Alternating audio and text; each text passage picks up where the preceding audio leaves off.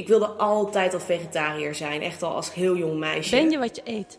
Of eet je wat je Ja, bent? gewoon het lekkerste eten uit de regio en dan je helemaal te goed doen in zo'n Franse supermarkt. Dat mensen inderdaad nu hun identiteit aan het ontlenen zijn aan wat ze eten en waar ze... kijken wat ik het beste van Keiharde documentaires kijken en boeken lezen. paleo eigenlijk eh, het eten is zoals onze Orthorexia betekent eigenlijk dat mensen zo extreem bezig zijn met Dus gezond het is, weet je eten, wel, het doet meer voor je dan een auto of zo. dat ze bijna niks meer eten. Ik vind een dag al zonde als ik slecht heb gegeten. Dat, dat het zo extreem met gezond eten bezig zijn, ziekte kan veroorzaken. aan willen bijdragen. Nee, Wa- Waarom is het in het kiprestaurant nu een soort van nou dan? Jij moet eigenlijk snacks recenseren en daar een, dat op een Instagram-pagina doen. En dat, dat, zo ging dat. En toen dacht ik, ja, natuurlijk. Bamibal, Bami-schijf, berenhap, perenhap, kaassoufflé, kapsalon, frikandel, kroket. kroket of gewoon een patatje met. De Hollander lust er wel pap van. Geen dorp of stad zonder snackbar. En de escapades van menig nachtbraker laten zich graag vergezellen door de frituur. Toch generen we ons een beetje, zegt Eke Bosman, zelf verklaard met een behoorlijk succesvol Instagram-account vol recensies van snacks. We schamen ons voor onze liefde voor het broodje van de Mac, maar we doen het allemaal, zegt hij. En daarom is hij op de bres gesprongen voor het leed van de snack. Die vette hap verdient credits en dat gaat hij de wereld vertellen. Zijn er meer van dat soort mensen die een beetje doen wat jij doet? Online? Eh, verder weet ik niet echt, nee. Echt, nou ja, je hebt eh, nou, er is één website, die vind ik wel heel goed. Dat is cdguys.nl. En eh, die, eh, die zijn dan eerst gevestigd in Amsterdam. Die kijken naar alle eh, nieuwe tenten in Amsterdam. Welke nieuwe horecagelegenheden zijn er en welke nieuwe winkels. En ze zijn nu uitgebreid naar Rotterdam. En willen waarschijnlijk nog naar Utrecht. En wat ik heel tof vind aan ze is dat ze op Instagram heel erg actief zijn. En ook laten zien dat ze echt de meeste lol van hun leven hebben. Dus eh, drank hier, en burgers daar, friet daar, eh, of een heel ziek gerechtje waar je waarschijnlijk na afloop toch naar de McDonald's gaat om even je maag bij te vullen. Maar ik vind het heel tof dat zij dat doen en dat ze geen blad voor de mond nemen. Nee, precies. Als je bitch wil chillen, zullen we maar zeggen. De snack is rock'n'roll, maar door al dat gezonde geweld heeft hij wel wat te lijden gehad. En denk je ook dat die hele hype, zeg maar, die, dat, dat het allemaal zo gezond moet zijn, dat dat ehm, de snack in een heel verkeerd daglicht heeft gezet? Eh, in eerste instantie wel, maar nu heb je het eh, tegenwoordig sinds een jaar of zo heb je de ene biologische snackbar naar de andere die eh, uit de grond wordt gestampt. En dan heb je ook van die eh, ambachtelijke frietjes of, of ambachtelijke frikadellen, wat ik een hele goede zaak vind. Dat is een ambachtelijke frikandel. Nou, dat, dat, dat het niet, eh, een frikadel niet van restvlees is gemaakt. En eh, dat het gewoon eh, van een bepaalde slagerij komt. Eh, bijvoorbeeld Tante Nel in Rotterdam, die heeft een spe- speciaal soort frikadel van één, één slager. Die gebruikt ook restvlees, maar dan op een ambachtelijke manier dat ze wel het vlees kiezen. En dat ze wel kijken naar de kwaliteit van het vlees. En dat vind ik een hele goede zaak. Dat ze niet gewoon alles wat er over is persen in een frikandelvorm. Ja, dus, eh, eh, ik, ik, weet, ik weet niet zelf niet eh, alle details ervan, maar in ieder geval wel dat het smaakte anders. Het smaakte wel beter. Laat ik het zo maar zeggen. Is dat, wat is je favoriete snackbar? Mijn favoriete snackbar. Oeh, dat was in Utrecht. Utrecht Royaal, vlakbij de stadion de Galgenwaard. Daar hebben ze de frikandel XXL en die kunnen ze op perfecte wijze frituren. De frikandel XXL. Hoe groot is dat? 35 centimeter en dan 1 centimeter dikker. Ja, dat is één groot puur genot. Wat waren snacks voordat je dat Instagram-account begon in jouw leven? Nou, het is, eh, ik, ik zou het zomaar zeggen, eh, in mijn jeugdjaren is de frikandel met de paplepel ingegoten.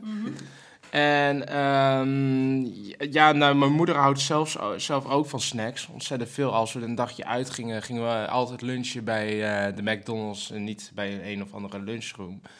En eh, elke week natuurlijk ook patatdag met frikandel en zo. En ja, ik ben, ik ben er gewoon dol op. En ook op de, in, de, in de schoolkantine op de middelbare school haalde ik altijd wel een frikandelbroodje en zo. En dat ging ja maar door en door. Het is, het is gewoon heel normaal. Voor mij is het heel normaal. Nou, ik bedoel, het is natuurlijk niet heel gezond, maar ik kan het blijkbaar aan. Want je voelt je niet ongezond. Ik voel me absoluut niet ongezond. Nee. Een post van twee flinke frikandellen met daaronder tags als healthy, instafood, powerfood, crossfit, foodie en fitness. Is de snackspare een soort tegenbeweging geworden? Het is, eh, zo kun je het wel zeggen eigenlijk. Want als je dan gaat zoeken op hashtag foodie, dan krijg je allemaal van die groene sapjes en detox.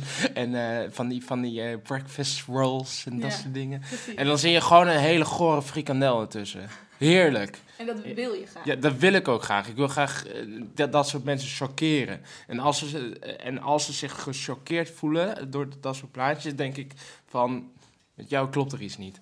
Want wa- waarom wil je dat? Wat is dan... Doen zij in jouw ogen iets verkeerd? Nou, ze doen in mijn ogen niet iets verkeerds, maar ze zijn wel, ik vind ze wel heel erg hysterisch. En ik vind het dan heel grappig om dan de spot te drijven met ze. En het is niet zo van dat het iets activistisch is en dat ik zeg, je moet dit en dat doen. Nee, ik vind het gewoon heel grappig om, om gewoon een beetje te uh, sollen met dat soort mensen. Met mensen die heel gezond willen zijn, zoals Rens Kroes. En dat, je, dat die zegt dat je een eh, glas klein moet drinken. En dan denk ik echt, doe normaal. Doe normaal en eet gewoon één keer per week een frikandelletje of zo. En doe, ga niet zo hysterisch om met het eten. Normaal doen dus. En frikandellen eten. Daar kan Brit Broekhuis, onze PhD-studenten die je kan kennen uit de eerste aflevering van deze serie, zich minder in vinden. Net als in de vegan community, waar ze eigenlijk steeds minder graag bij wil horen. Ik eet zelf bijvoorbeeld ook veganistisch, dus ik zit hier nu wel heel leuk over te praten. Maar ik, heb, ik ben er zelf ook in zekere zin onderdeel van. Maar ik vind, ik vind eerlijk gezegd de vegan community, best wel lastig. Omdat, omdat het soms te ver gaat, naar mijn mening. Terwijl ik ook heel veel begrip heb voor mensen die zo ver gaan. Dus dat is gewoon heel erg lastig om jezelf als mens daartoe te verhouden, denk ik. Maar ik merk wel eigenlijk, wat wel grappig is, ik merk bij mezelf dat het steeds minder een identiteitskwestie wordt. Dat vind ik wel interessant. Dat ik misschien de eerste jaren dat ik daarmee bezig was, dat ik ook heel erg veel um, herkenning zocht in de groep veganisten, om het zo maar te zeggen. Mhm. En dat ik daar ook heel erg naar op zoek was. En inmiddels dat ik me daar steeds meer een soort van um, ja, tegen, tegen wil afzetten. Want ik denk van ik wil, niet, ik wil niet per se daarmee geassocieerd worden. Ik doe dingen vanuit mijn eigen beweegreden. Mhm. En niet als onderdeel van een grotere groep. Mhm. En ik denk dat dat ook die hele voedselkwestie zo interessant maakt. Want ik denk dat iedereen daar op die manier mee bezig is.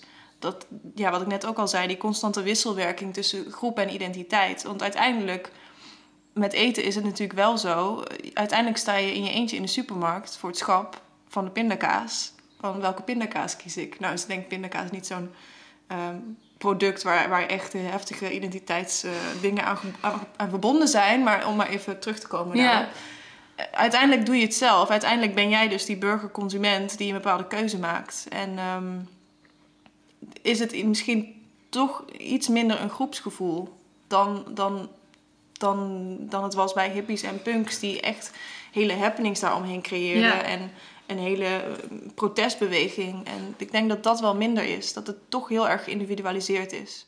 En ik denk dat het juist nu, doordat er steeds meer handel is met heel, heel de wereld en producten misschien meer op eenzelfde prijs zitten, dat er daardoor gewoon opeens een overdaad aan en eten is gekomen. En dat je daarin dus opeens een keuze moet gaan maken. Want Doordat alles. dingen enorm geïndustrialiseerd zijn, steeds Ja. goedkoper geproduceerd kunnen worden. Ja. En, Ja, ehm, het is ook een soort van moment geweest dat we ons allemaal realiseerden, of allemaal, maar dat de realisatie langzaam kwam dat we eigenlijk helemaal niet weten wat er in ons eten zit. ja, precies. Omdat het allemaal zo goedkoop is geworden. Dus we kunnen eigenlijk alles kopen. Ja.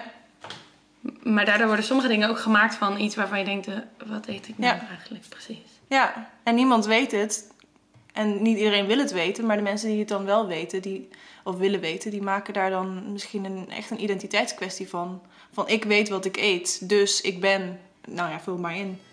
Paleo, Raw foodie, low carb, vegan, fruitariër vegetariër. of snackariër.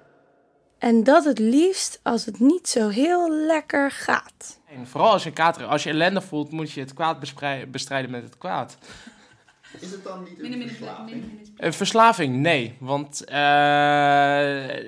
s- ik, ik, ik- het is niet zo dat ik elke dag een drang voel. Nee, het is absoluut geen verslaving. Het is meer een liefhebberij.